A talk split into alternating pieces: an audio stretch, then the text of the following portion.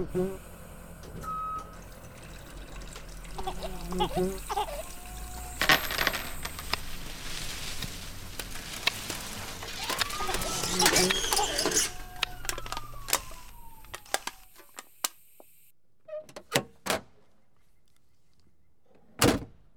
opplever lærere vold fra elever? Dette spør vi om i Yrkesfagpodden, podkasten fra Kompetansesenter for yrkesfag, hvor vi ser på ulike sider ved fag- og yrkesopplæringen. Mitt navn er Anders Grydeland, og med meg har jeg førsteamanuensis Børge Skåland ved Institutt for yrkesfaglærerutdanning ved Oslo OsloMet. Skåland forsker på læreres subjektive opplevelse av å bli utsatt for vold fra elever.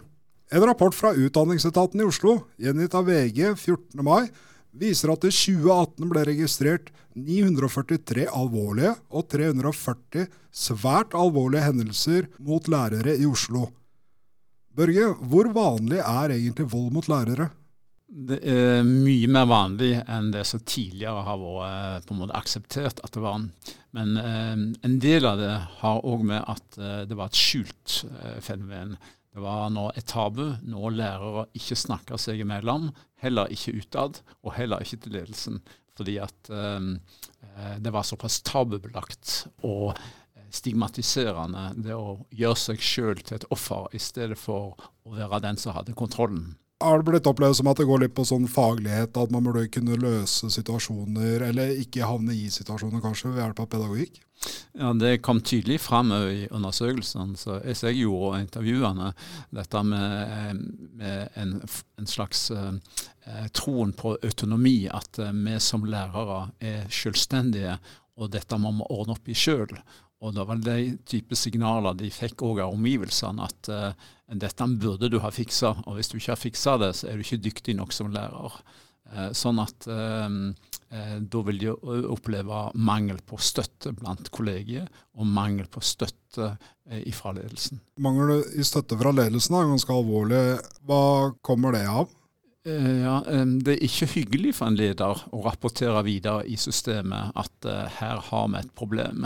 Det så vi nettopp på Groruddalen, der det var en lærer som sto fram i, i uh, utdanning og sa at det var veldig tøft å stå fram offentlig og innrømme at jeg som leder har et problem på min skole, og det dreier seg om vold og gjengdannelse. Uh, det føltes veldig vanskelig for han å komme ut med.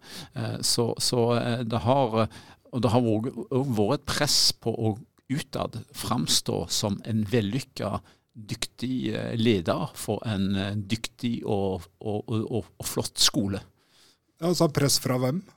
Fra hele etaten, fra hele miljøet rundt. Altså Foreldrene ønsker å høre at de sender ungene til en, en uh, god skole der alt er under kontroll. Uh, den øverste ledelse i kommunen vil helst høre at uh, alt står bra til i utdanning. Vi har gode rektorer, vi har gode skoler der vi ikke har noe særlig problem pga. at vi har et flott system som vi har utarbeidet. Og Senest for to dager siden så fikk jeg en rapport fra jeg jobber i en bydel skrev læreren, der, eh, der ledelsen i bydelen ikke vil høre noe snakk om at vi har noen problemer i skolen, og i alle fall ikke når det gjelder vold. Hvordan opplever lærere å bli stående så innmari alene med et så stort problem?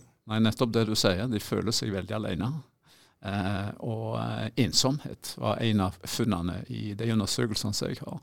Det å være alene med problemet. Eh, og det å um, oppleve da faktisk nøyaktig sammensetning har flere av informantene mine sagt. Jeg opplevde å ha et problem, og så opplevde jeg at jeg ble gjort til et problem i stedet for når de søkte hjelp. Det er ikke bare et Oslo-fenomen, det her. Altså, du, du, du, har funnet fra, fra, flere steder i landet at det foregår vold mot lærere, og at lærere blir stående, opplever i hvert fall, og kanskje faktisk også blir stående alene med problemet.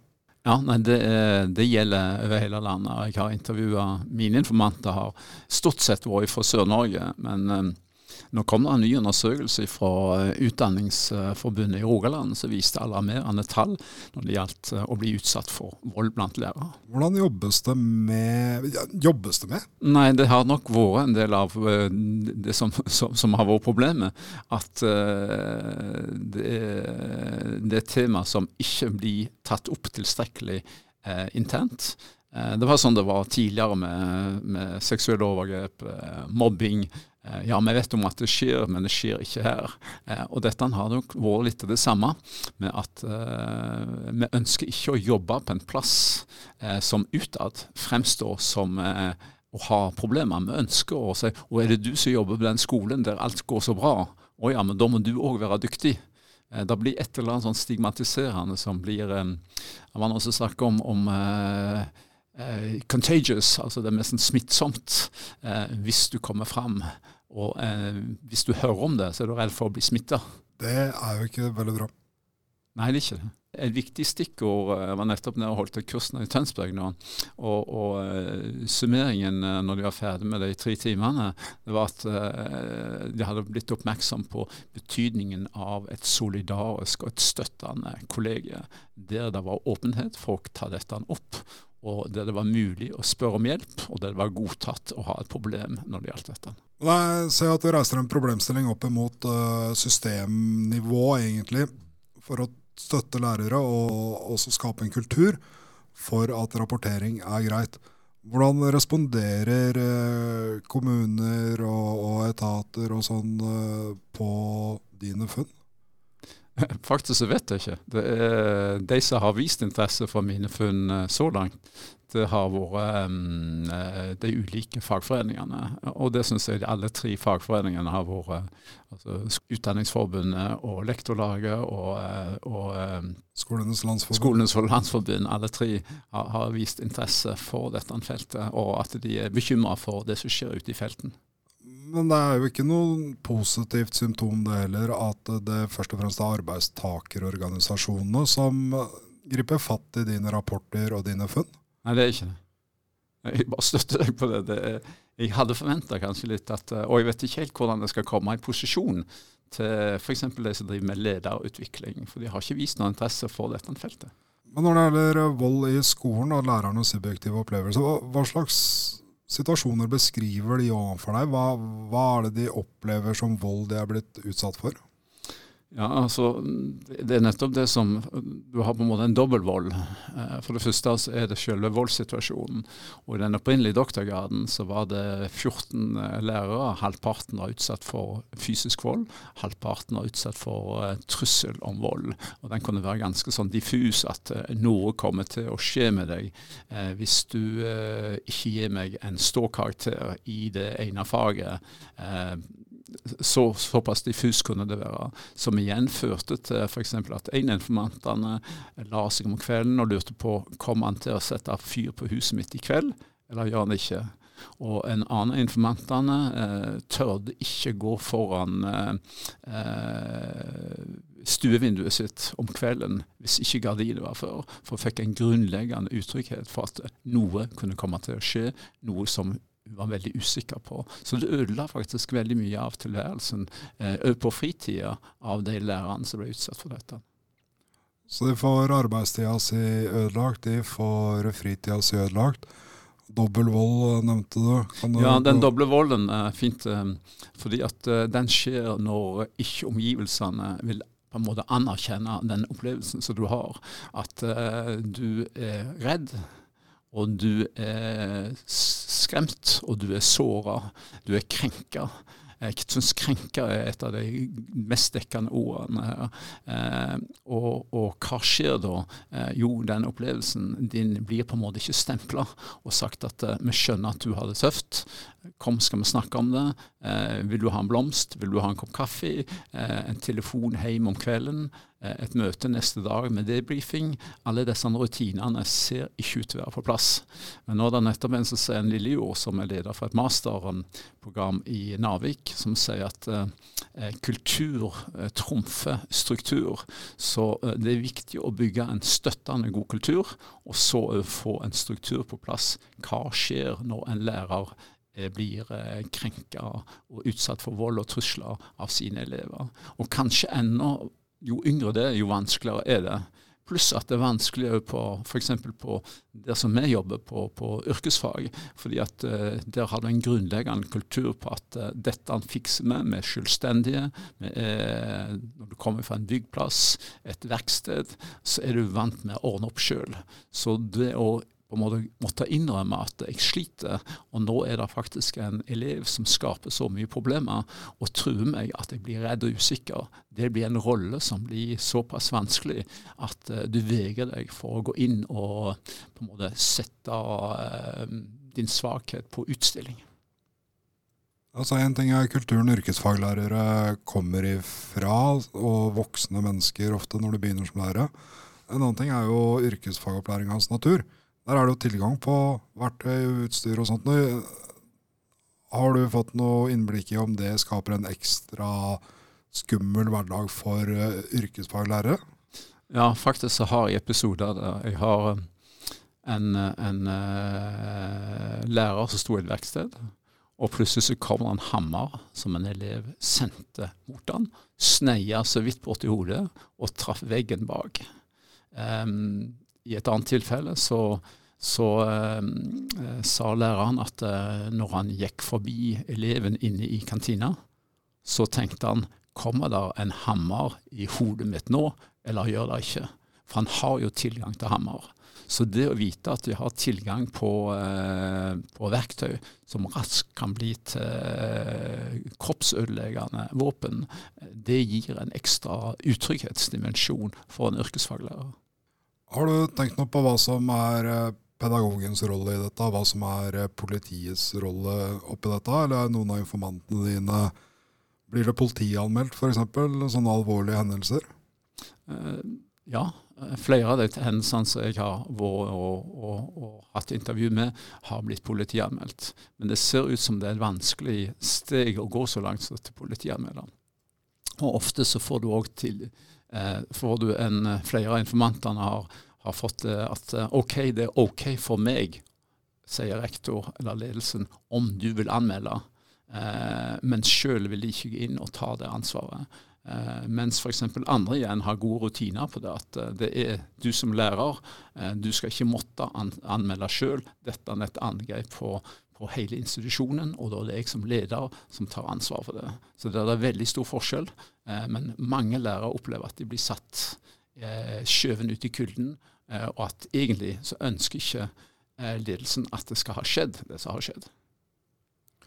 Vi har jo kjempefokus med rette på elevens psykososiale arbeidsmiljø. Eh, arbeidsmiljøloven også regulerer jo læreres arbeidshverdag. Hvor man også skal ha trygt og godt psykososialt arbeidsmiljø som, som ansatt. Hvor, står, hvor, er dette hen i det bildet? Er systemet eller ledelsesnivået helt eh, blinde for arbeidsmiljøloven når læreren ikke får støtte i, i utfordrende situasjoner? Han hadde likt å si ja. Eh, for jeg har kommet over ganske mange tilfeller, og bl.a.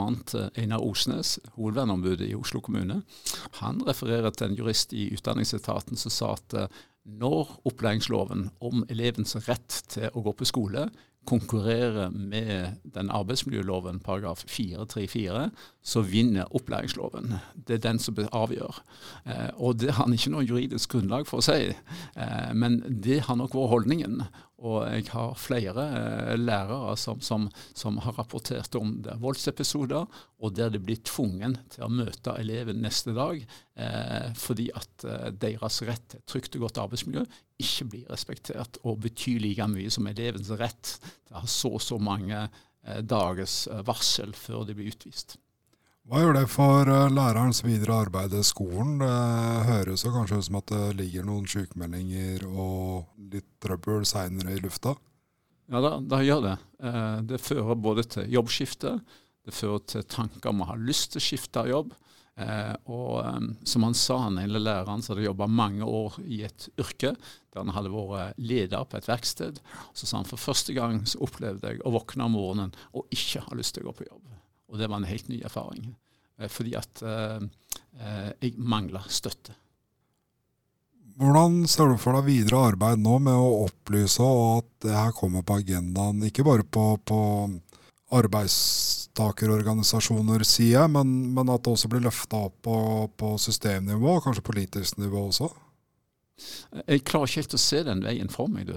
Jeg, jeg håper vel at folk kan gripe fatt i det. Men det ser ut til å være litt sånn motvillighet og vegring for å ta fatt i dette. For det er et vanskelig og ømtålig emne.